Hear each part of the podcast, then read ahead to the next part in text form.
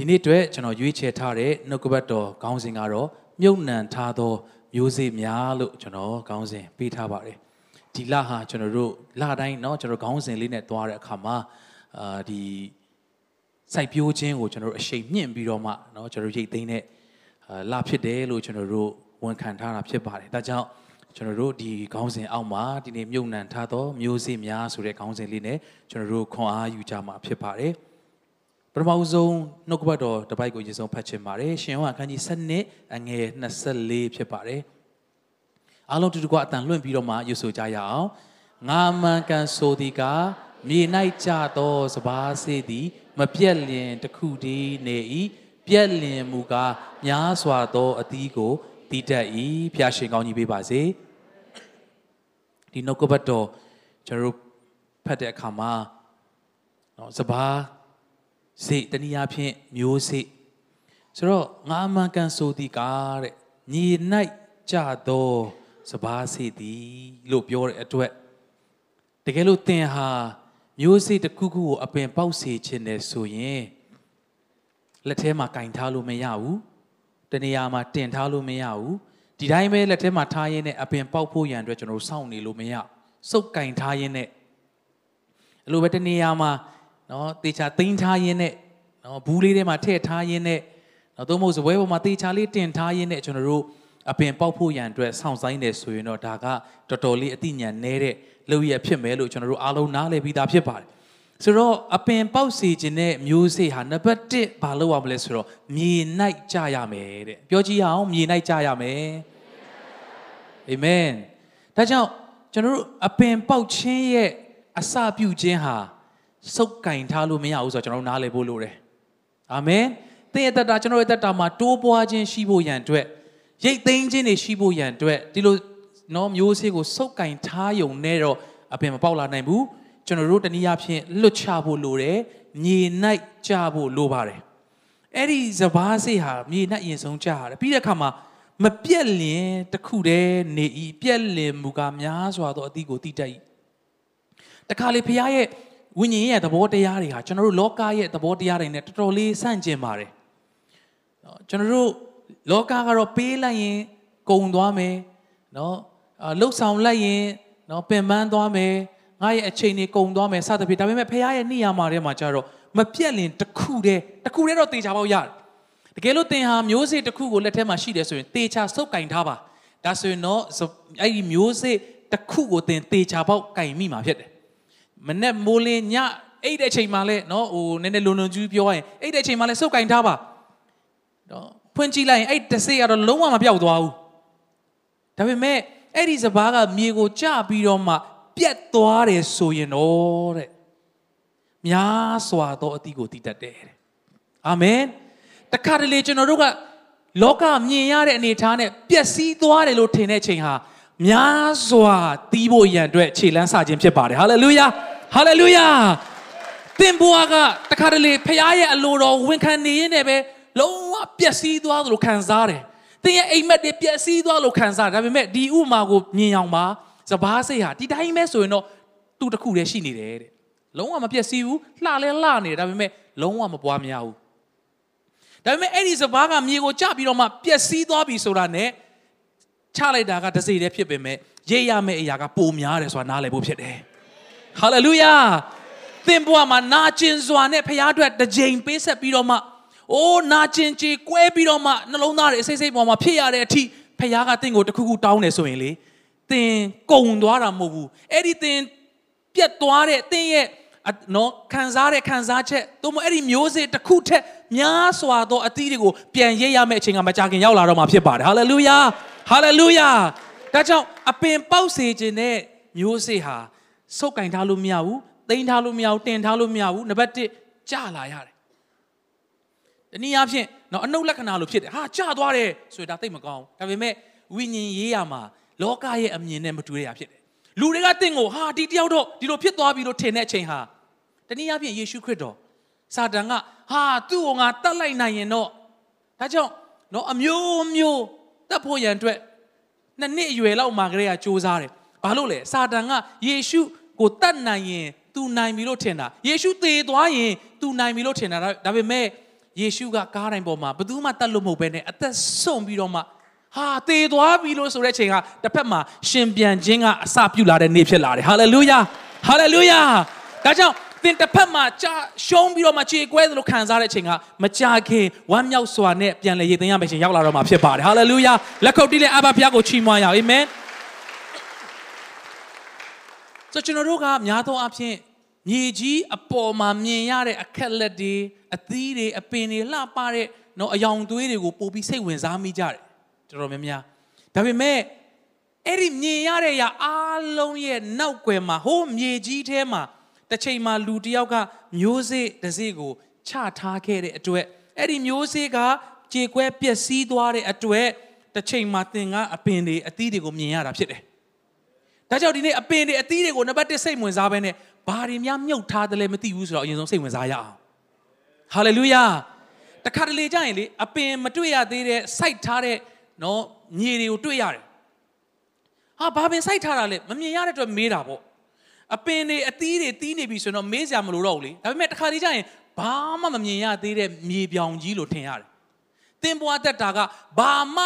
နော်လူတွေတင်ကြီးလောက်အောင်လက်ညှိုးထိုးပြီးဟာမိုက်တယ်လို့ပြောရလောက်အောင်ဘာမှမြေကြီးပေါ်မှာမမြင်ရသေးဘူးသို့တော့မြုပ်ထားတဲ့မျိုးစေ့ရှိတာတေချာရင်တော့တစ်ချိန်မှာအပင်ပေါက်ကိုပေါက်လာမှာဖြစ်တယ်ဟာလေလုယာဟာလေလုယာဒါကြောင့်နော်ပန်းချံနော်ဥယျာဉ်မှုဖြစ်ထားပါတော့ तू ကမြေပြောင်ကြီးဖြစ်ပါစေ तू ကပြောရဲတယ် ဒီနေရာမှာအရန်လှတဲ့ပန်းဘယ်ပန်းဘယ်ပန်းပေါ့လေကျွန်တော်ပန်းသိတာကြီးမကျွမ်းတဲ့ခါကျတော့ပြောလိုက်လွဲကုန်မှာဆိုလို့နော်ဆိုတော့ဘယ်ပန်းဘယ်ပန်းတွေကတော့ဘလို့စိုက်ထားတယ်နော်ဘယ်နှလားနေပွင့်မယ် तू ကသိတယ်ဘာလို့လဲစိုက်ထားတာအရန်သေးချာတဲ့အတွက်တစ်ချိန်မှာပွင့်လာမယ်ဆိုတော့လုံးဝမျှော်လင့်ရတာဖြစ်တယ်ဟာလေလုယာဟာလေလုယာဒီနေ့သင်ရဲ့ ATM ထဲမှာဘာမှမရှိတာလုံးဝသေးချာရဲ့သားနဲ့ခက်တီတီနဲ့သွားသုံးရင်တော့ နော်တော်တော်လေးတော့နော်စဉ်းစားမယ်နေထားရှိတယ်နော်ကိုကိုယ်တိုင်သိတယ်လေဘာမှမထည့်ထားဘူးဆိုတာသိရသားနဲ့ခက်တီတီနဲ့သွားသုံးလို့ကတော့ပြဿနာတက်သွားမှာသင်ဘာမြုပ်ထားတယ်လဲဆိုတာဒီချိန်မှာသင်သိဆုံးပါအနာမရှိပြောရအောင်သင်ဘာမြုပ်ထားတယ်ဘာစိုက်ထားတယ်လဲဆိုတာသင်သိဆုံးပါလို့ပြောရအောင် နော်ကျွန်တော်ကဘာမှလည်းမစိုက်ထားတဲ့မြေကြီးမှာဒီနေရာမှာအကောင်းဆုံးပန်းနေပွင့်လာမယ်အာနောက်နေလဲတော့ပြန်အောင်မကြခင်ပွင့်လာတော့မယ်ဘာမှလည်းမစိုက်ထားပဲနဲ့ပွင့်ဖို့စောင့်နေတာအနာမရှိရသူပြောရအောင်အဲ့ဒီလောက်တော့မကြောင်နဲ့နော်လို့ပြောရအောင်အာမင်သင်မြင်ရတဲ့လှပတဲ့ပန်းတွေမြင်တိုင်းမြင်တိုင်းဟိုးအောက်မှာတစ်ချိန်တုန်းကလူတယောက်ဟာ မျိုးစေ့တစ်စီးကိုချခဲ့တာပါလားလို့သင်တတိယဖို့လိုပါတယ်အာမင်ဟာလေလုယာဒါကြောင့်ဆရာကြီးတစ်ပါးက तू ပြောတဲ့စာစုပဲပြောရမလား तू ပြောတဲ့ခွန်အားပေးတဲ့အရာကအမှုတော်ဆောင်တဲ့သူတွေတဲ့သင်တနေရာမှာသွားပြီးတော့မှဖခင်ရဲ့အမှုတော်ဆောင်တဲ့အခါအယံကိုအောင်မြင်ပြီးတော့မရိတ်သိမ်းရတဲ့အခါကိုကိုကိုမာနမကြီးပါနဲ့တဲ့ဘာလို့လဲဆိုတော့တစ်ချိန်မှာသင်အရှိမဘယ်နှစ်နှစ်တုန်းကလဲမျိုးစေ့တွေကျဲခဲ့တဲ့သူရှိလို့သင်ဟာရိတ်သိမ်းရတာပါတဲ့အာမင် အဲ့လိုပဲသင်ကဟာငါရိတ်လဲမရရဘူးကွာလို့သင်စိတ်မပြတ်ပါနဲ့တဲ့တစ်ချိန်မှာတယောက်သောသူကသင်စိုက်တဲ့မျိုးစေ့ကိုရိတ်ရတဲ့ခွင့်ဘုရားပေးလိမ့်မယ်ဟာလေလုယာဟာလေလုယာဒီနေ့တခါလေကျွန်တော်တို့ကဖခင်ဖခင်ကကျွန်တော်တို့ကိုစိုက်တဲ့ဘက်မှာသုံးတယ်လို့ရိတ်တဲ့ဘက်မှာသုံးပါတယ်အာမင်ဒီကျွန်တော်ပြောဖို့စဉ်းစားတာတော့မဟုတ်ဒါပေမဲ့လွန်ခဲ့တဲ့နှစ်အတန်ကြာတော့ကကျွန်တော်တို့ဒီเนาะရန်ကုန်မြို့ပြခရစ်စမတ်ဆိုပြီးတော့မှဒီပိုးချုပ်လမ်းတွေမှာကျွန်တော်တို့ ဒီခရစ်စမတ်တွေလောက်ကြတဲ့ခါမှာအာကျွန်တော်တို့အိမ်မက်မက်နေသူအလားကျွန်တော်ခံစားဒီလိုလမ်းမကြီးပေါ်မှာငါတို့ခရစ်စမတ်ကိုလောက်ရတယ်ဟာပြောတယ်ကျေးဇူးတော်ကြောင့်ကျွန်တော်အများကြီးဟိုမဟုတ်ရင်တောင်မှเนาะနှစ်တိုင်းနှစ်တိုင်းကျွန်တော်တို့တရောင်းတနေရာကနေပါဝင်ရတယ်တေးတန်ရှင်တွေစုယုံပေးရတယ်เนาะစင်တစင်သုံးဖို့နှစ်စင်သုံးစင်ကူညီပေးရတယ်အဆိုတော်တွေခေါ်တာတို့ music သမားတွေခေါ်တာစသဖြင့်လုပ်ရင်းနဲ့ပျော်တာပေါ့နော်ပျော်ပြီးတော့မှကျွန်တော် YMC မှာပဲရှိသေးတယ်ကျွန်တော်တက်တည်ခံမှုပါတယ်ဟာဒါနဲ့စနေနေ့တရက် ဒီအစာချောင်ဆူတောင်းဖို့ကျွန်တော်လာတဲ့ခါမှာကားမောင်းရင်းနဲ့အဲ့ဒီလမ်းတွေကိုသွားရင်းနဲ့ကျွန်တော်စိတ်ထဲမှာပေါ်လာဒီနေရာလေးတွေပြီးတော့ကျွန်တော်တို့ဒီအေမာနီလာနားမှာကျွန်တော်တို့ဟိုတဆင်ရှိတယ်ပေါ့နော်ဆိုကြတယ်အာကျွန်တော်ဟိုတက်သေးခံရတယ်အင်္ဂလိပ်တွေပြောရတယ်အရန်ကိုပြောတာဟာငါတို့ခင်မှာကွာငါတို့လောက်ရတယ်ပေါ့ဒါပေမဲ့ကျွန်တော်အဲ့ဒီ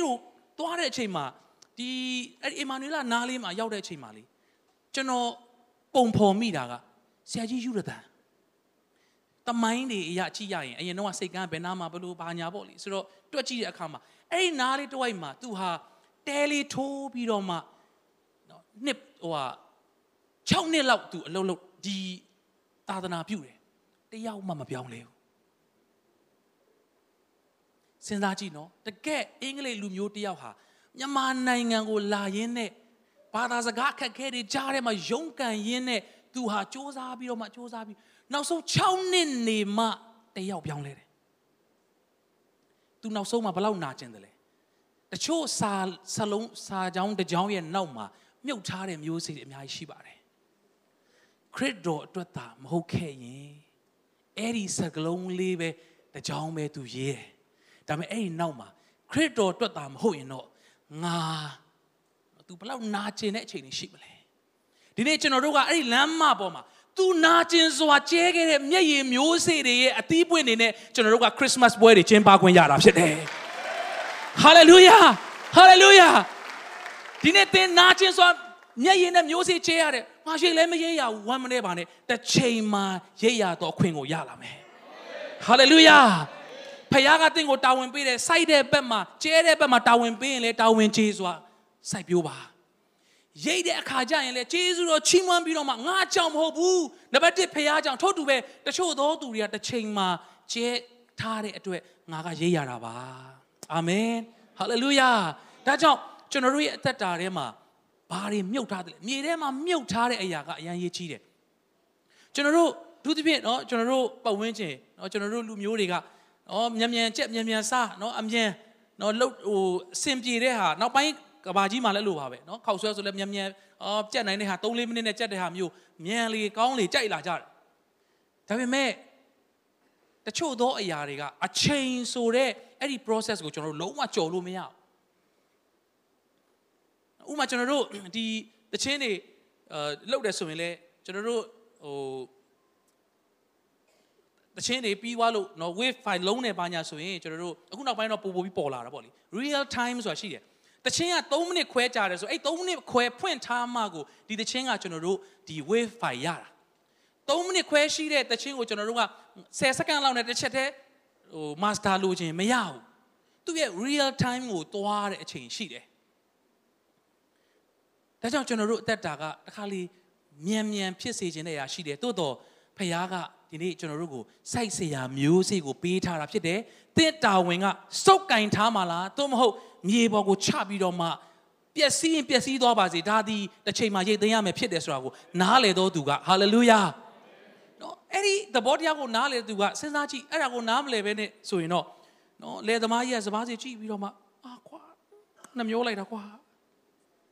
နော်နှစ်တိုင်းစပားတွေမျိုးစေ့ကျဲတိုင်းသူ့မှာငိုယိုပြီးတော့မှစပားဆိုင်တယ်ဆိုတာဘယ်သူမှမရှိပါဘူးနော်ဟာမနစ်ကငါနော်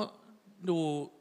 တအေကလောက်ပဲငါစိုက်နေတာဒီနေ့ငါနှစ်အေကစိုက်ရတယ်ကွာဆိုပြီးတော့ငိုပြီးတော့မှစိုက်တဲ့လယ်သမားတယောက်မှမရှိဘူးမနစ်ကငါတအေကပဲစိုက်နေတာဒီနေ့နှစ်အေကစိုက်နိုင်တယ်အရန်ပျော်ပြီးတော့မှစိုက်တာဘာဖြစ်လို့လဲဒီအဲထဲမှာများများမြုပ်နှံခွင့်ရလေများများရိတ်သိမ်းရမယ်ဆိုကောင်းကောင်းနားလည်လို့ဖြစ်တယ်ဟာလေလုယာဖရားထဲမှာကျွန်တော်တို့စိုက်ပျိုးရတဲ့အခါမှာလယ်သမားတွေရဲ့ဉာဏ်ပညာမျိုးရဖို့ဘုရားရှိခိုးကြီးပေးပါစေ။များများစိုက်ရလို့ငိုကြွေးတဲ့လေသမားတယောက်မှမရှိဘူး မနစ်ကတည်းကဒီနေ့များများစိုက်ရလို့ဟာဝမ်းနေပြီးတစ်ချိန်လုံးနော်ဟိုညီတွန်ပြီးတော့မှတစ်ချိန်လုံး complain နဲ့ပြောနေတဲ့လေသမားတယောက်မှမရှိဘူးဟာငါမနစ်ကတရေကပဲစိုက်နိုင်တယ်ဒီနေ့နှစ်ရေကစိုက်နှစ်ရေကစိုက်တယ်ဆိုဘယ်လောက်နော်ဘယ်လောက်ရိပ်ရမယ်ဆိုတော့ तू ကပို့ပြီးတော့မှသိတဲ့အခါမှာအဲ့ဒီသိထားတဲ့အရာကသူ့ကိုစိုက်ပျိုးခြင်းမှာပြောချင်တာကတခုမျောလင့်ပြီးတော့မှလိုချင်တဲ့စိတ်နဲ့ပြောဖို့လုပ်ဖို့ပြောတာမဟုတ်ပါဘူးဒါပေမဲ့ကျွန်တော်တို့နားလည်ဖို့က အရင်စိုက်ချင်းဆိုတဲ့ process ကလာတယ်ဆိုတာကိုကျွန်တော်တို့နားလည်ဖို့လိုပါတယ်တခါလေချွတ်နေရာတွေမှာအပင်တွေအများကြီးเนาะတကယ်ကိုနှစ်ပေါင်း10နဲ့ချီကြမှအာပေါက်တဲ့အပင်တွေရှိတယ်ကျွန်တော်တို့ကအဲ့ဒီအရာတော့ခံစားရတယ်သို့တော့အဲ့ဒါကိုစိုက်ခဲ့တဲ့သူကမရှိတော့တာမျိုးလဲကျွန်တော်တို့ကြုံရတယ်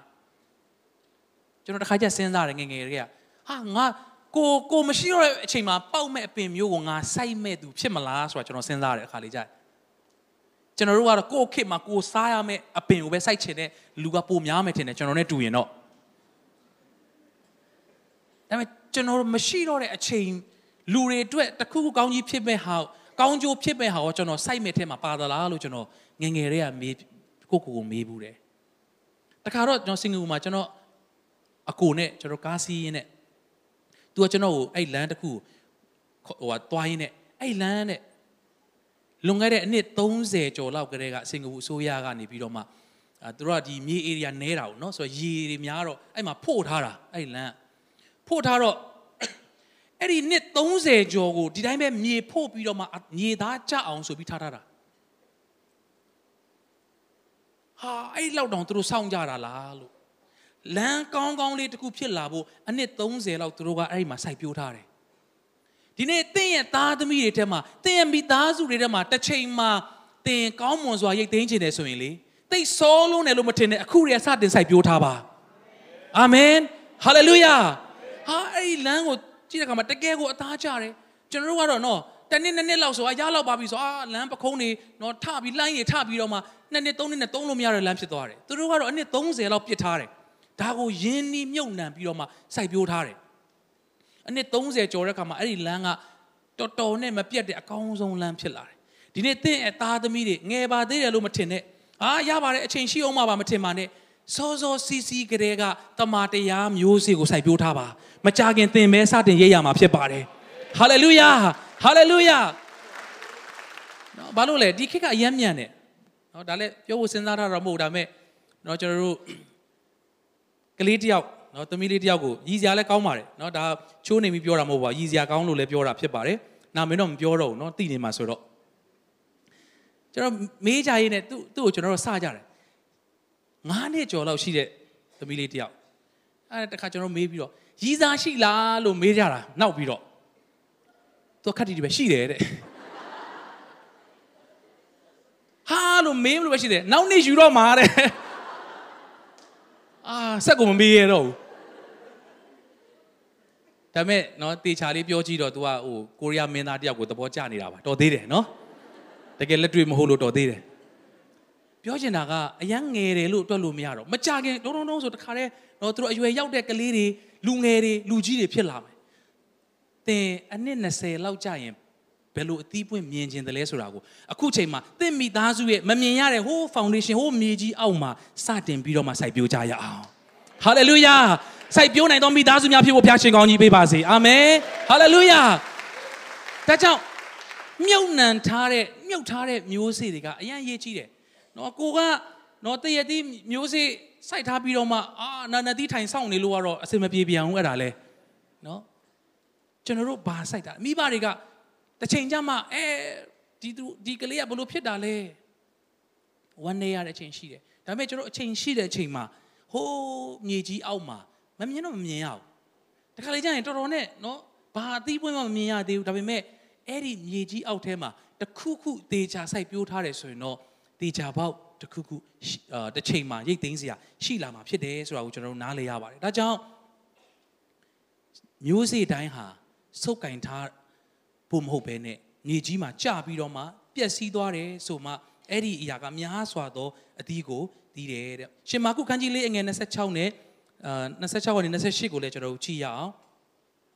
ထိုမှတပါလူသည်လေ၌မျိုးစေ့ကျဲပြီးမှနောက်တစ်ဖန်မိမိမကြည့်မမတ်ညနေအိတ်လျက်နိုးလျက်နေတော်လဲအပင်ပေါက်၍ကြီးပွားသည်နှင့်ဖျားသခင်နိုင်ငံတော်တူ၏မြေကြီးသည်မိမိလိုလျောက်အသီးကိုတီးစေ၍ရှေးဥစွာအညောက်ထို့နောက်အနံထို့နောက်အနံထဲမှာအောင်မာသောအဆန်ကိုဖြစ်စေတတ်၏တဲ့ကျွန်တော်တို့မြေအောက်မှာစိုက်ပျိုးထားတာဖြစ်တဲ့အတွက်ကျွန်တော်တို့ကထုတ်ထုတ်ပြလို့မရအောင် အချိန်တစ်ခုမှလေဘာမှလက္ခဏာလည်းမပြဘူးဘာတန်မှလည်းမမြည်ဘူးဘာမှလည်းအပင်ပေါက်မဲ့လက္ခဏာလည်းမမြင်ရတဲ့အချိန်တစ်ခုရှိတယ်နော်စိုက်ပြီးတော့မှတစ်ဖက်မိမိမကြည့်မမတ်နော်တော်တော်ကြည့်လို့လည်းမရအောင်နော်စိုက်ထားပြီးတော့အေးရှိသေးလားလှန်ကြည့်လိုက်တခါမြေပြန်ဖုံးလိုက်ဆိုတော့အဲ့ကောင်ဘယ်တော့မှပေါက်မှာမဟုတ်တော့ဘူးနော်စိုက်ထားတာတေးချတယ်ဆိုရင်တော့ထားလိုက်အချိန်တန်တဲ့ခါလုံးဝပေါက်ကိုပေါက်လာမှာဖြစ်တယ် အာမင်ကျွန်တော်တို့ကမြန်မြန်လေးနော်လက္ခဏာတွေမြင်ခြင်းတယ်မြန်မြန်လေးကျွန်တော်တို့အသီးပွင့်တွေမြင်ခြင်းတယ်ဒါပေမဲ့စိုက်ပျိုးရတဲ့အချိန်မှာမြုပ်နှံရတဲ့အချိန်ဆိုတာရှိတယ်အဲ့ဒီမြုပ်နှံပြီးသွားတဲ့အခါမှာအဲ့ဒီမြေကြီးကိုဖောက်ထွက်ရတဲ့အချိန်ရှိတယ်တချို့ပင်တွေကလနဲ့ချီစောင့်ရမယ်တချို့ပင်တွေကနှစ်နဲ့ချီနော်တချို့တွေက10နှစ်15နှစ်မှနော်ဟိုတခါအသီးသီးတဲ့အပင်မျိုးလဲရှိရင်ရှိမယ် ဒီနေ့သင်အသက်တာထဲမှာချက်ချင်းအသီးပွင့်မမြင်ရလို့စိတ်မပြတ်ပါနဲ့မြုပ်နှံထားတဲ့မျိုးစေ့တကယ်ရှိဖို့ပဲအရေးကြီးပါတယ်အာမင်ဟာလေလုယာတကယ်စိုက်ထားဖို့ပဲအရေးကြီးတယ်ရိတ်သိမ်းရမယ့်ဟာကအချိန်တန်တဲ့ခါရောက်ကိုရောက်လာမှာဖြစ်တယ်ဟာလေလုယာဟာလေလုယာအနားမှာရှိလို့ပြောရအောင်စိုက်ထားတာတေချာဖို့ပဲလိုတယ်လို့ပြောရအောင်ထပ်ပြီးပြောရအောင်စိုက်ပြီးလဲတော်တော်လမ်းမကြည့်နဲ့တော့လို့ပြောရအောင် ကျွန်တော်ပြဿနာအဲ့လိုရှိသေးရလားလို့တော်တော်ကြည့်ချင်တာနော်ဟာတကယ်ရှိသေးတယ်ပြန်ဖုံးလိုက်ပြန်ဟိုပေါက်မယ်ဟာနော်ပေါက်ဖို့အချိန်ကိုမရနိုင်ဘူးနော်ကျွန်တော်အရန်လောတယ်ကိုတော့ပေါက်တင်နေပြီနော်ဟာအပင်ထွက်အညောင်ထွက်တင်နေပြီနော် तू ကသူ့အချိန်နဲ့ तू အလိုလျောက်အတီးကိုတီးပြီးတော့မှရှေးဦးဆိုအညောင်အနံပြီးတဲ့ကအနံထဲမှာအောင်မာတော့အဆန်အဲ့လိုမျိုးအဆင့်ဆင့်ဖြစ်လာမယ်တဲ့အဲ့ဒီ process ကိုကျွန်တော်တို့ကနားလည်ပြီးတော့မှယုံကြည်ခြင်းနဲ့စောင့်ဆိုင်နိုင်တော်သူများဖြစ်ဖို့ရန်အတွက်ဘုရားရှင်ကောင်းကြီးပေးပါစေဆို ကြုံကြိုက်လို့ပေါ့နော်ဒီမှာဆံငယ်လေးလည်းရှိတဲ့အခါမှာကျွန်တော်မနေ့ကမဆခင်ဆူတောင်းတော့လေခုနမဆခင်ဆူတောင်းတော့လေကျွန်တော်ပြောပါတယ်လူတွေကအစင်ပြေပြီးသားသို့မဟုတ်အသီးသီးတဲ့အရာကိုချက်ချင်းစွတ်ယူခြင်းနဲ့ချက်ချင်းအာလိုချင်ကြတယ်ဘယ်ကဏ္ဍမှာပဲဖြစ်ဖြစ်အရန်တော့အစင်ပြေပါတယ်တော်ပြီးသားနော်ဟာပြည့်စုံပြီးသား perfect ဖြစ်ပြီးသားတခုခုကိုကျွန်တော်တို့ဟိုတုံးလိုက်ဖို့ကလွယ်တာပေါ့ဒါပေမဲ့ စိုက်ပျိုးမယ်ပြုစုမယ်ဆိုတဲ့ process ကိုလုံနိုင်သောအသင်းတော်တွေမိသားစုတွေဖြစ်ဖို့လည်းဘုရားရှင်ကောင်းကြီးပေးပါစေ hallelujah hallelujah ဆရာငယ်လေးကเนาะအခုချိန်မှာဘုရားယေရှုတော်နှစ်ပေါင်းများစွာရှိပြီเนาะကျွန်တော်ချင်းနောက်ဆိုကျွန်တော်ငယ်ငယ်လေးကเนาะခွန်အားရတဲ့ဆရာတွေဖြစ်ပါတယ်ဆိုတော့ तू ကဒီလိုမျိုးဘုရားအသုံးပြုတဲ့ချိန်မှာ နော်သူ့ရဲ့ဆရာဖြစ်တဲ့ကျွန်တော်တို့ချစ်ခင်လေးစားတဲ့ဆရာဂျင်မီခေါင်းစဉ်နော်မြချီနာဖိုဂော့စပယ်တင်တော်ရဲ့စီနီယာပါစတာဟာဟိုမှာဆရာငယ်လေးဆိုတဲ့တယောက်ရန် worship ဦးဆောင်လဲအရန်ခွန်အားရတယ်သူချင်းဆိုလဲအရန်ကောင်းတယ်ကွာဟာတကယ်လဲမိုက်တယ်ဘာမှပြောစရာမရှိဘူးသူ့ငါတွားခေါ်ပြီးတော့မှငါတို့တင်းတော်မှာတုံးပလိုက်မယ်အဲ့လိုလုပ်တာမဟုတ်ဘူးအာမင်ဆရာငယ်လေးလည်းအချိန်ချင်းတက်သေးခံမှုပါတယ် तू လမ်းစာပြောက်နေတဲ့အချိန် तू သွားတဲ့ direction ကတစ်မျိုး तू က तू အေးဆေးလေးနော်တစ်မျိုးသွားနေတဲ့အချိန်မှာဟာစင်မော်တက်ပြီးတော့ဘလို့ဆိုပလိုက်မယ်ဆိုတာလည်းမရှိပါဘူးဒါပေမဲ့အဲ့ဒီအချိန်မှာဘာဆိုဘာအညောင်းမှမထွက်သေးဘူးနော်ဆရာငယ်လေးကဘာတွေဖြစ်ကုန်ပြီလဲမသိဘူးခဏနေဦးကျန်းစာရပြောတာနော်အညောင်းတွေအနှံ့တွေနော်ဘာမှမထွက်သေးဘူးဟာစင်ပေါ်မှာမြင်ဘူးလို့ဟာဟိုတခါတော့ဟိုပွဲမှာဥဆောင်တဲ့ဆရာငယ်လေးမဟုတ်ဘူးသူကသူတခြားအလုပ်တစ်ခုလုပ်နေတာသူကအဲ့ဒီမှာဆရာချင်းမီက ညီလေးလာခဲ့ငါတို့အတူတူမှုတော့မှလုပ်ရအောင်မင်းအထက်မှာဖယားကကြီးမားတဲ့နော်ဘိတ်သိရှိတယ်အဲ့တော့မင်းတို့ငါဆွတောင်းပေးမယ်ရက်တီပေးမယ်နော်ပြူစုပြိုးထောင်ပြီးတော့မှစာလုံးရင်စဆိုတဲ့အဲ့ဒီစိုက်ပြိုးခြင်းကနေစပြီးတော့မှဒီခြေနေထိရောက်လာတဲ့အထိသူတို့လက်တွဲခဲ့တာဖြစ်တယ်ဟာလေလုယာဟာလေလုယာဒီချိန်ကာလမှာတချို့သောသူတွေကအညွန့်စားခြင်းနဲ့အသီးကိုရုတ်တရက်ဆွတ်စားခြင်းနဲ့ပြုစုထားတဲ့သူတွေမြောက်များစွာ ရှိတယ်ဆိုတာကျွန်တော်မမေ့ဖို့လိုတယ်အာမင်ဟာလေလုယာဒီချိန်မှာတွားပြီးတော့မှဟာဆရာဂျင်မီခင်ဗျားဘယ်ပွဲတော့ဆရာငယ်လေးကိုတွေ့ပြီးခေါ်လာတာလဲမဟုတ်ဘူးဆရာငယ်လေးဘာဖြစ်လာမလဲဆိုတာကိုမသိရသေးတဲ့အချိန်ကလေးကသူ့ကိုပြုစုပြိုးထောင်ခဲ့တာဖြစ်တယ်အာမင်ဒီနေ့တင့်သားသမီးတွေနော်ဟာကြီးလာမှမွေးတဲ့ချိန်ကနေအဲ့ဒီကြီးတဲ့ဂျားတဲ့ကိုတင်မေ့ထားပြီးတော့မှကြီးလာမှနေဟိုဟို ကောင်လေးလောက်မတော်ဘူးဟိုလူလောက်မလိမ္မာဘူးသွားပြီးတော့မရှင်ပါနဲ့သင်ပြုစုဖို့အချိန်ပေးထားတဲ့အချိန်မှာကောင်းမွန်စွာစိုက်ပျိုးပါဟာလေလုယာကောင်းမွန်စွာပြုစုပါပျိုးထောင်ပါအာမင်ဖခင်ကတင့်လက်ထဲမှာမျိုးစေ့ကိုပေးထားတာဖြစ်တယ်သင်ကောင်းစွာစိုက်ပျိုးခွင့်ရှိတာဖြစ်ပါတယ်အာမင်ထို့တူပဲเนาะဘုရားရဲ့ကျေးဇူးတော်ကြောင့်ကျွန်တော်တို့နော်ဒီမှာကြည့်လို့ရှင် keyboard တီးတဲ့သူ2ယောက်ရှိတယ်မနေ့ဆိုရင်လည်း2ယောက်တီးတယ်ညနေ2ယောက်တီးတယ်ဒီလူငယ်လေးတွေနော် အောင်အောင်တို့နော်နော်နော်တို့ခိုင်ပြီးတို့သူတို့တွေကတနေရာမှာကျွန်တော်တို့တွေ့ပြီးတော့မှဟာဟိုစင်ပေါ်မှာဟိုရှိုးမှာနော်တီးနေတဲ့ကောင်လေးဟာအရင်သဘောကျလာလာလာငါတို့အတင်းတော်မှာလာတီးစမ်းဆိုပြီးတော့မှတီးခိုင်းတာမဟုတ်ဘူးမနေ့ကတီးတဲ့နော်နော်နော်ဆိုရင်လွန်ခဲ့တဲ့၄နှစ်လောက်ကထင်ပါတယ်သူ့အိမ်ကိုကျွန်တော် तू တော်တော်လေးငယ်သေးတယ်အခုလည်းတော်တော်ငယ်သေးတယ်အဲ့တုန်းကပိုတော်ငယ်သေးတယ်တကယ် Sunday school ကလေးသူငယ်လေးသူ့အိမ်ကိုကျွန်တော်တို့ဆူတောင်းပေးဖို့သွားတဲ့ခါမှာ तू သူ့ဖေနဲ့နော်ကိုတူးတို့နဲ့စကားပြောရင်းနဲ့သူ့ဝါသနာပါတယ်ဆရာတီးတယ်ဆိုဟုတ်လားလို့ဒါဆိုတီးပြကြည့်ပါအောင်လို့အဲ့ဒါသူဒီပြန်လို့ထားတဲ့အခန်းလေးတော့ကျွန်တော်ဝင်သွားပြီးသူ့တီးခိုင်းတဲ့အဲ့သူစတီးလိုက်တာနဲ့ပဲကျွန်တော်ဒီကလေးကိုတော့ငါတို့ပြူစုပြိုးထောင်မှာဖြစ်မယ်လို့ကျွန်တော်စိတ်ထဲမှာချက်ချင်းခံစားရတယ်အာမင်ကျေးဇူးတော်ကြောင့်ကျွန်တော်မှာအတိမိတ်ဆွေတွေအများကြီးရှိပါတယ်အကူကြီးတောင်းမယ်ဆိုရင်ကျွမ်းပြီးသားနာမင်ကြည့်ပြီးသားတွေကလာကူညီပေးနိုင်ကြမှာပါဒါပေမဲ့ ကျွန်တော်တို့ကပြုစုပြိုးထောင်ဖို့စိတ်ဝင်စားတော့တင်းတော်ဖြစ်တယ်ဟာလေလုယာစိုက်ပျိုးမြုပ်နှံဖို့ရန်အတွက်စိတ်ဝင်စားသောမိသားစုတွေဖြစ်ဖို့အရေးကြီးတယ်အာမင်ဟာလေလုယာသင်ရဲ့သားသမီးကဒုံးဆိုပြီးတော့မှအောင်မြင်တဲ့သူချက်ချင်းဖြစ်သွားမှာမဟုတ်ဘူးသင်လက်ထဲမှာပဲတဖြည်းဖြည်းတဖြည်းဖြည်းနဲ့ကြီးထွားလာဖို့ဘုရားကသင်ကိုအနံ့ထားတာဖြစ်တယ်ဟာလေလုယာသင်လက်ထဲမှာဖျားပေးတဲ့မျိုးစေ့ကိုတာဝန်ကျေစွာကောင်းမွန်စွာစိုက်ပျိုးကြရအောင်အာမင်အနာမှာရှိသူပြောရအောင် ဖျားပေးတဲ့မျိုးစေ့ကိုတာဝန်ကျေစွာစိုက်ကြရအောင်လို့ပြောရအောင်အနာမှာရှိတဲ့သူကိုအာမင်အာမင်ဟာလေလုယာလက်ခုပ်တီးလက်ဖျားကိုချီးမွမ်းကြရအောင်အာမင်မနေ့က worship အရန်ခွန်အားရတယ်နော်မနေ့ကဥဆောင်သွားတဲ့ဆိုဆိုသူကြည်ပြင်းလာတဲ့ပတ်ဝန်းကျင်ဟာနော်ဟာဒီလိုမျိုးချီးမွမ်းကိုးကွယ်ခြင်းနဲ့ကျွန်တော်တို့တော့ဥဆောင်ပြီးတော့မှအရင်ကတည်းအဲ့လိုဥဆောင်လာပြီးတော့မှဟေးငါတို့တင်းတော်မှလာပါအောင်လာဥဆောင်ပေးပါအောင်လို့ပြောထားတာမဟုတ်ဘူးကျွန်တော်တို့ လူ10ယောက်15ယောက်လောက်ရှိတဲ့အချိန်အယောက်20 30လောက်ရှိတဲ့အချိန်ဘာမှဘာမှန်းကိုမမြင်ရသေးဘူးဘာဖြစ်လာမယ်ဆိုတော့လည်းမသိရသေးဘူးဟာငါတို့အတင်းတော်တစ်ချိန်ကျလူများလာမှာဆိုတော့ကဲလာကြငါတို့စီမှာလာပြောလို့မရဘူးဘာဖြစ်မယ်ဆိုတာပြောလို့မရဘူးလူ9ယောက်နဲ့စတဲ့အတင်းတော်မှာလူ10ယောက်15ယောက်ပဲရှိတဲ့အသင်းတော်မှာဒီနေ့ကျွန်တော်တို့စိုက်ပျိုးကြတာဒီနေ့အသီးပွင့်တွေများစွာမြင်ရတာဖြစ်တယ်ဖခင်သခင်ဘုန်းတော်ထင်ရှားပါစေ ဘုရားသခင်နာမတော်ကပါဆက်ဆက်ဘုန်းကြီးပါစေလက်ကုပ်တီးလျက်ထိုဖခင်ကိုဘုန်းကြီးခြင်းပေးကြရအောင်ဟာလေလုယာဟာလေလုယာဟာလေလုယာဒီလိုပါပဲကျွန်တော်အသင်းတော်မှာရှိတဲ့နော်မီဒီယာ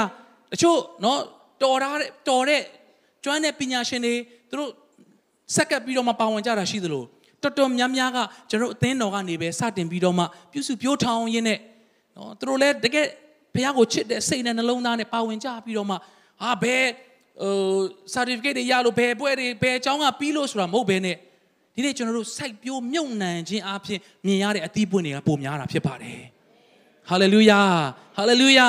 ဒါကြောင့်ကျွန်တော်တို့စိုက်ပျိုးခြင်းကိုကျွန်တော်တို့စိတ်ဝင်စားကြရအောင်အနာမှာရှိသူပြောရအောင်စိုက်ပျိုးခြင်းကိုစိတ်ဝင်စားကြရအောင်လို့ပြောရအောင်အာမင်ကျွန်တော်ဆိုစိုက်ပျိုးဒါစိတ်လဲတိတ်တိတ်မဟုတ်ပါဘူးတော်တော်စိတ်ဝင်စားဘူးနော်နားလည်းမလဲဘူး ဒါပေမဲ့ဆင်မခွန်ကတော့ဘာလည်းမသိစိုက်တယ်ခဏခဏနော်အာသူချမ်းမစိုက်အိမ်မစိုက်ကျွန်တော်စားတဲ့ဘက်မှာတာဝန်ယူတယ်အဲနော်ဆိုတော့အဲ့ဒီ process တွေတိတ်နားမလဲဘူးဒါပေမဲ့မြင်ရတဲ့နော်ငြုပ်သီးလေးပင်လင်အသီးလေးအရွက်လေးတစ်ခုရဲ့နောက်ွယ်မှာအာရေလောင်းရမယ့်ချိန်ရှိတယ်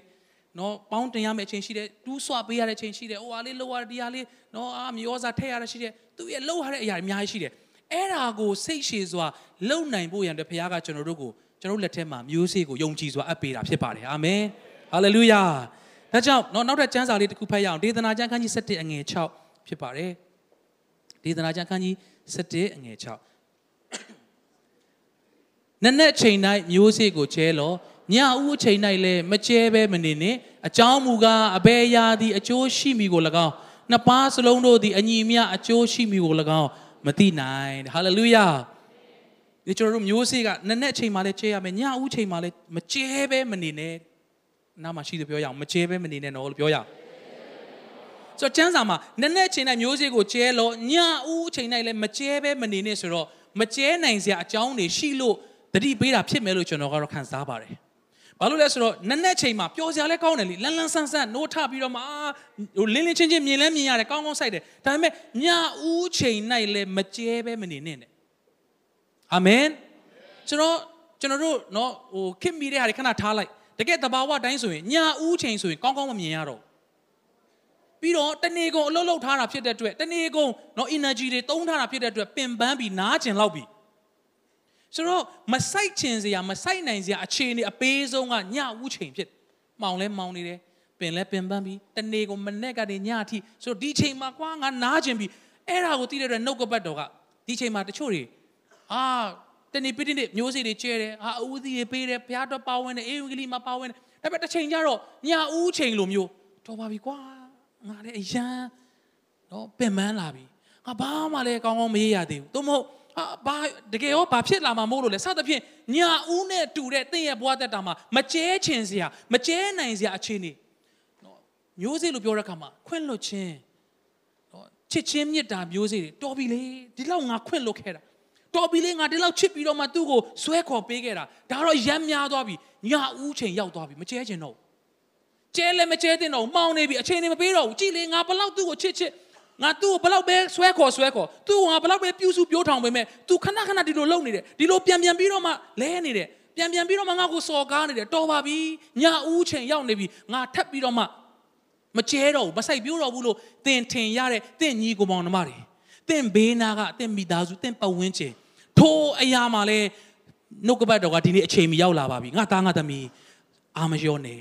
조사ပြီးတော့မှ ညဦးချိန်တိုင်းလဲမကျဲပဲမနေပါနဲ့လို့နှုတ်ကပတ်တော်ရောက်လာပြီဖြစ်တယ်ဆက်ပြီးတော့မှကျဲကြရအောင်ဟာလေလုယာဆက်ပြီးတော့မှကျဲကြရအောင်အာမင်မြမပြီးတော့ဆုတောင်းဖို့တော်ပြီလေလက်လျှော့လိုက်တော့မယ်ညဦးချိန်ရောက်နေပြီအဲ့ဒီချိန်မှာဆုတောင်းခြင်းမျိုးစေ့ကိုမကျဲပဲမနေပါနဲ့ဟာလေလုယာမကြခင်ရိတ်သိမ်းခြင်းရောက်လာတော့မှဖြစ်တယ်လက်ခုပ်တီးတဲ့အဘဘုရားကိုချီးမွမ်းကြရအောင်ဟာလေလုယာဟာလေလုယာနောက်ထပ်အဖြစ်ပြက်လေးတစ်ခုကျွန်တော်တို့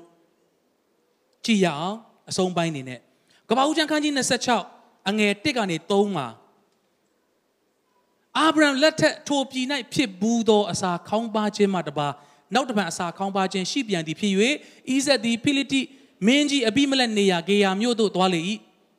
ဒါရဘုရားသည်လည်းသူ့အထင်ရှား၍သင်သည်အေဂုတုပြည်သို့မသွားနှင့်ငါပြောလက်တန်သောပြည်၌နေလော့ဤယခုဤပြည်၌ တဲကို၍နေလို့တင့်ဘက်မှာငါနေ၍ကောင်းကြီးပေးမိအကြောင်းမူကားတင်တဲ့တင်အမျိုးနွယ်အားဤပြည်ရှိသမျှကိုငါပေးမိတင်ရပါအာဗြဟံအားငါချိန်ဆိုသောစကားရှိသည့်တိုင်ငါပြုမိဟာလေလုယာဟာလေလုယာဆိုတော့ဣဇက်လက်ထက်မှာသူ့အဖေအာဗြဟံလက်ထက်တုန်းကဒီပြည်မှာပဲဖြစ်ဘူးတဲ့အစာခေါင်းပါခြင်းနောက်တစ်ခါပြန်ဖြစ်တယ်တဲ့အဲ့ဒီခါမှာနောက်တစ်ပတ်အစာကောင်းပါခြင်းရှိပြန်သည်ဖြစ်၍ဣဇက်သည်တဲ့ဖိလိတိမင်းကြီးအဘိမလက်နေရာဂေယာမြို့သို့သွားလေ၏ တခါလေကျွန်တော်အတွေ့အကြုံရကျွန်တော်တို့ကလှုပ်လှုပ်ဖို့စဉ်းစားတယ်နော်သူ့ရဲ့အဖေလက်ထက်တုန်းကနော်လှုပ်ခဲ့တဲ့နော်ရှောက်ခဲ့တဲ့ပုံစံဖြည့်ရှင်းခဲ့တဲ့နီးတဲ့နော်ကျွန်တော်တို့အရင်တုန်းကဘလို့ကြုံရတာဆိုတော့ဘလို့ဖြည့်ရှင်းလိုက်မယ်ဘလို့ဖြစ်လာရင်ဘလို့ဟိုတုန်းကလည်းတစ်ခါဖြစ်ဘူးတယ်လေအဲ့တော့ဒီကဖြစ်တဲ့ခါဒီလိုလှုပ်လိုက်မယ်ကျွန်တော်တို့ရဲ့အတွေ့အကြုံကျွန်တော်တို့ရဲ့အတွေးခေါ်နဲ့ကျွန်တော်တို့ဖြည့်ရှင်းဖို့စ조사တယ်ဒီနေ့ဖခင်အတန်ကိုကြားပြီးတော့မှဖြည့်ရှင်းသောသူများဖြစ်ဖို့ဘုရားရှင်ကောင်းကြီးပေးပါစေအငယ်နှစ်မှာထာဝရဘုရားကလည်း သူ့အထင်ရှားပြီးသင်ဒီအဲဂုတ်တုပြည်သို့မသွားနဲ့ငါပြောလက်တန်တော့ပြည်တိုင်းနေလို့ဟာဘယ်ကိုသွားရင်တော့ဘယ်လိုအစာရေစာရနိုင်တယ်ဘယ်လိုမျိုးအခက်အခဲဖြေရှင်းနိုင်တယ်အဲ့ဒီအုံနောက်တွေးခေါ်ခဏထားပါတဲ့ငါပြောလက်တန်တော့ပြည်၌ပဲနေပါတဲ့ဖျားထားသောနေရာမှာနေတော်သူများဖြစ်ဖို့ဘုရားရှင်ကောင်းကြီးပေးပါစေအဲ့ဒီခါမှာတဲ့เนาะကျွန်တော်ကြော်ပြီးကြည့်မယ်ဆိုအငယ်7နှစ်မှာဣဇက်ကဘဲမှမသွားတော့ဘဲနဲ့အဲ့မှာနေပြီးဘာလုပ်တယ်လဲဆိုတော့ ထိုပြည်၌ဣဇက်သည်မျိုးစေ့ကိုကျဲ၍တနစ်ချင်းတွင်အစတရာသောအသီးနှံကိုရလေ၏ထာဝရဘုရားသည်လည်းကောင်းကြီးပေးတော်မူသဖြင့်သူသည်ကြီးပွားပြီးအလွန်စီးစိမ်ကြီးသည့်တိုင်အောင်တိုးတက်လျက်စီးပွားဥစ္စာများပြားစွာဖြစ်လေ၏တဲ့ဒီ6တွေ့တဲ့ညီအဲ့ဒီအစာရေစာခေါင်းပါတဲ့နေရာမှာပဲဖခင်ကဆက်နေခိုင်းတယ်ဘသူ့ကိုလဲဆိုတော့ဣဇက်ကိုနားလေဖို့ပြောစေခြင်းနဲ့နားလေနားလေစေခြင်းနဲ့ အဲ့ဒီစကားကဣဇက်ကိုပြောတာဖြစ်တယ်တခြားတယောက်ကိုတခြားတစ်မျိုးပြောရင်ပြောမယ်ဒါပေမဲ့အဲ့ဒီနေရာအဲ့ဒီအချိန်တွက်တော့ဣဇက်ကိုဖခင်ကငါပြောတဲ့ပြီးမှပဲနေပါတဲ့ဘယ်မှမသွားနဲ့အဲကုတုမသွားနဲ့ဒီနေ့နောက်ခုချိန်မှာလူငယ်တွေနိုင်ငံခြားထွက်ဖို့ပြောတဲ့ခါတိုင်းကျွန်တော်မတားဘူးသွားဖို့လဲကျွန်တော်အထူးမတိုက်တွန်းဘူးဖခင်အတန်ကြားတဲ့အတိုင်းပဲလုပ်ပါလို့ပြောချင်တယ်ဟာလေလုယာတခြားသူအတွက်တော့မသိဘူးဣဇက်အတွက်အဲ့ဒီချိန်မှာပြောတာဖြစ်တယ် တခြားသူတရားဟောတတ်တော့တခြားတစ်မျိုးဖြစ်ဖြစ်မယ်နားလည်မယ်လို့ယုံကြည်ပါတယ်ဆိုတော့ဣဇက်ကိုဘုရားကဒီမှာပဲနေပါလို့ပြောတဲ့အခါဣဇက်ကဘာလို့လဲဆိုတော့အဲ့ဒီပြည်မှာမျိုးစေ့ကိုကျဲတယ်တဲ့ပြောကြည့်ရအောင်မျိုးစေ့ကျဲတယ်ဘယ်ပြည်မှာလဲဆိုတော့အဲ့ဒီအစာခေါင်းပါတဲ့ပြည်မှာပဲတခြားနေရာပြောင်းသွားပြီးမြေကောင်းတဲ့နေရာဟာဒီနေရာဒီပြည်ကောင်းတယ်ဆိုပြောင်းသွားပြီးတော့မဆိုင်တာမဟုတ်ဘူးနော်အဲ့ဒီမကောင်းပါဘူးအစာရေစာခေါင်းပါပါတယ်ဆိုတဲ့နေရာမှာပဲဆက်နေပြီးတော့မှ तू ကဘာလုပ်လဲဆိုတော့မျိုးစေ့ကိုကျဲတယ် အာမင်ဒီနေ့သင်ရှိတဲ့နိုင်ငံမှာသင်လုပ်ရမယ့်အရာကမျိုးစေ့ကိုဆက်ကျဲဖို့တာဝန်ရှိတာဖြစ်တယ်ဟာလေလုယာဟာလေလုယာတနစ်ချင်းတွင်အစတရာသောအသီးနှံကိုရတယ်ပြောကြည့်အောင်အစတရာဟာလေလုယာစိုက်ပျိုးခြင်းတိုင်းမှာရိတ်သိမ်းခြင်းရှိတယ်ဖခင်ကသင်တဲ့ကျွန်တော်ကိုအစတရားပြန်လဲရိတ်သိမ်းဖို့ရန်တွဲအခွင့်ပေးထားတာဖြစ်တယ်ဟာလေလုယာဟာလေလုယာဒါကြောင့်သင်ဖခင်ပြောတဲ့ပြီမှာနေပါ ဖခင်ပြလက်တန်သောပြီမှာပဲနေပါပြီးတဲ့အခါမှာတော့တိုင်းထိုင်မနေနဲ့သင်မျိုးစေ့ကျဲရမယ်အင်္ဂလိပ်မျိုးစေ့ကျဲရမယ်ဆုတောင်းခြင်းမျိုးစေ့ကျဲရမယ်ချစ်ချင်းမေတ္တာမျိုးစေ့ကျဲရမယ်ဖခင်ရဲ့အမှုတော်မှာဖခင်ခိုင်းစေတဲ့အရာတွေကိုလုပ်ရင်းနဲ့ကျွန်တော်တို့မျိုးစေ့ကျဲဖို့ရန်အတွက်အရေးကြီးပါတယ်တနစ်အစတရားတော့ရိပ်ရတယ်ဒါပေမဲ့ तू ဘယ်လောက်စောင့်ရလဲတနစ်တော့စောင့်ရတယ်စောင့်ရတဲ့အချိန်တော့ရှိပါတယ်မြေထဲမှာမြုပ်ထားပြီးတော့မှပြန်ပေါ်လာတဲ့အထိစောင့်ရတဲ့အချိန်တော့ရှိပါတယ် သို့တော့စိုက်ထားတာတေချာတယ်ဆိုရင်တော့အာမင်ဟာလေလုယာနော်တချို့စေပညာတွေကျွန်တော်ကြားဘူးတဲ့အရာတွေကကိုဝင်ဆောင်တဲ့သူတွေပင်လင်နော်ကလေးကဘယ်နှလဆိုရင်ဘယ်လိုမျိုးဟောစပြီးတော့မှဉာဏ်ပညာရှိတယ်ဒါကြောင့်အာဟိုစကားပြောပေးပါစသဖြင့်နော်ဆူတောင်းပေးတယ်နော် worship တခြင်းတွေဆိုတယ်စသဖြင့်ဒါမျိုးတွေကျွန်တော်တို့သိစောတယ်လို့မထင်ပါနဲ့အခုတည်းကစပြီးတော့မှမျိုးစေ့စကျဲပါအာမင် ဟာလေလုယာသင်မိသားစုအတွက်စတင်ပြီးမျိုးစေ့ကျဲဖို့သိစောတယ်မထင်နဲ့ကလေးတွေနည်းနည်းကြီးလာတဲ့တွေစောင့်မယ်မလုပ်နဲ့ဖခင်ကသင်ကိုအပ်ထားတဲ့အဲ့ဒီမျိုးစေ့ကိုနှုတ်ကပတ်တော်မျိုးစေ့ကောင်းသောမျိုးစေ့ကိုသင်ရဲ့မိသားစုတွေမှာစိုက်ပျိုးပါသင်ရဲ့သားသမီးတွေမှာစိုက်ပျိုးပါ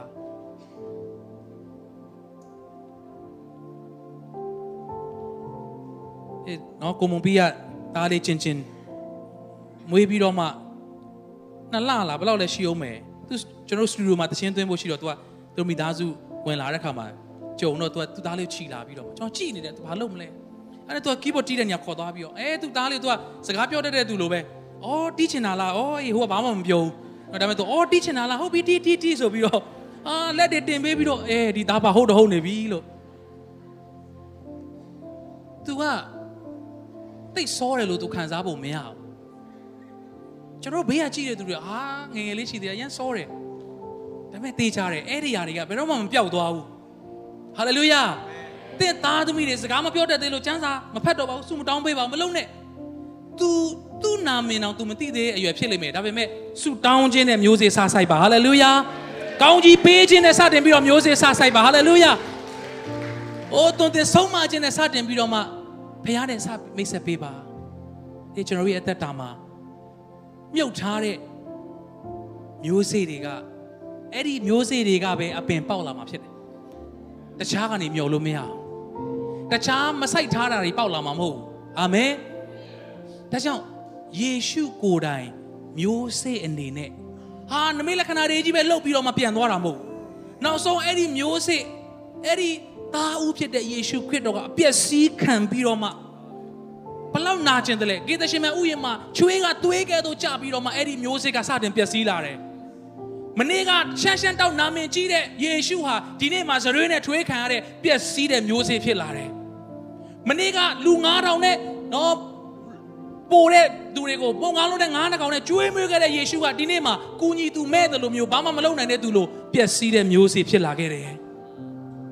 ဒါပေမဲ့အဲ့ဒီပျက်စီးခြင်းကအဆုံးမဟုတ်ဘူး ဒီနေ့သင်နဲ့ကျွန်တော်တည်ဟူသောများစွာသောသားတွေကိုပြန်ရေးရတာဖြစ်ပါတယ်ဟာလေလုယာဟာလေလုယာဟာလေလုယာဒီနှုတ်ကပတ်တော်အပြင်အရောက်စီတိုင်းဖျားရှိကောင်းကြီးပေးပါစေအာမင်